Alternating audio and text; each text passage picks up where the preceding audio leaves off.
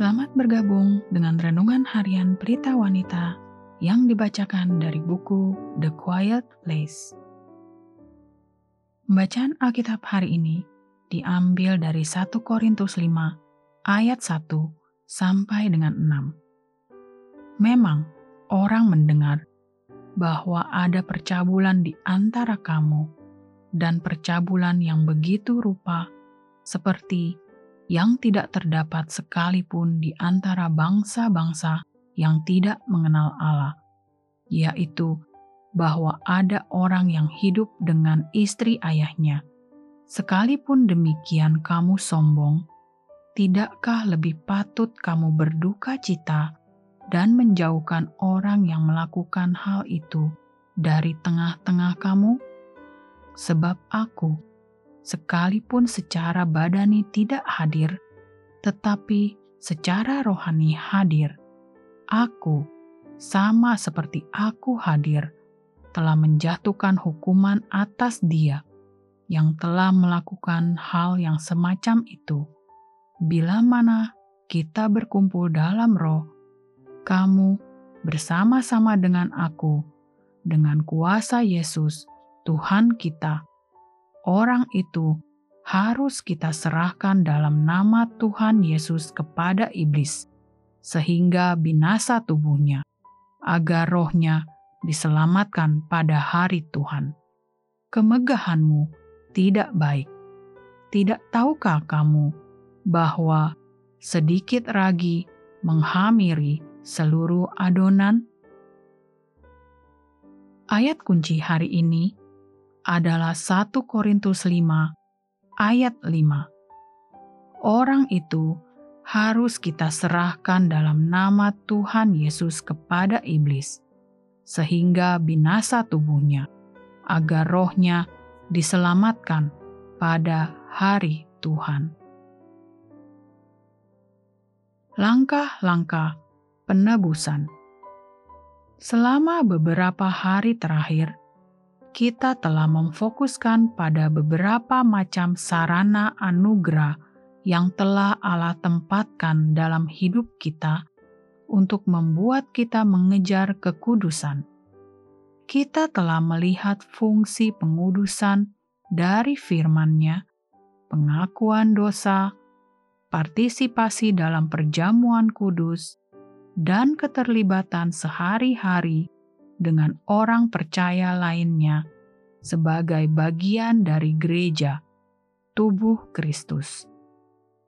Salah satu aspek penting dari hubungan kita dengan tubuhnya, yaitu gereja, mungkin terlihat keras atau mengganggu bagi sebagian orang.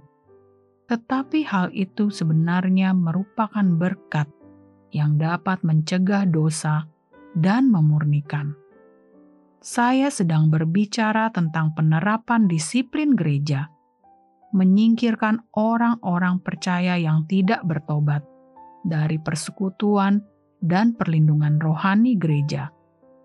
Ketika seorang percaya menolak untuk berurusan dengan dosanya secara pribadi, itu akhirnya menjadi masalah publik yang membutuhkan keterlibatan dan intervensi orang lain di dalam gereja. Saya teringat menghadiri sebuah gereja yang menjalankan tahap akhir pendisiplinan terhadap dua anggota mereka.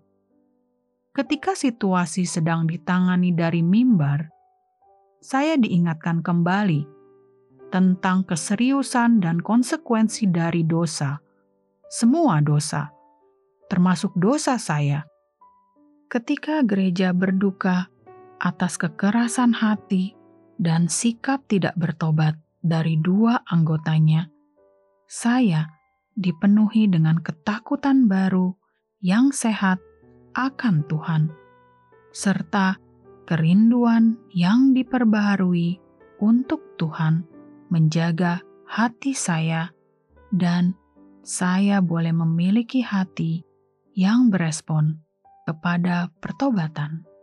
Fakta bahwa begitu sedikit gereja yang menjalankan proses pendisiplinan gereja secara alkitabiah sebagaimana dijelaskan dalam 1 Korintus 5, Matius 18, dan di bagian lain, telah mengizinkan segala bentuk dosa kebiasaan, imoralitas, dan kefasikan berkembang di gereja. Disiplin gereja betapapun tidak menyenangkan untuk didengar dan menyakitkan untuk disaksikan, kita membutuhkan sarana anugerah ini demi kebaikan kita sendiri, demi orang-orang percaya yang telah jatuh untuk kemurnian seluruh tubuh gereja dan untuk kemuliaan Allah. Sebagai penutup, mari kita merenungkan pertanyaan ini. Bagaimana pemikiran tentang disiplin bersama dan pembeberan kasus secara publik bisa menjadi anugerah dan sarana berkat bagi tubuh gereja, bagi mereka yang hidup tanpa mengindahkan firman Allah, dan bagi Anda.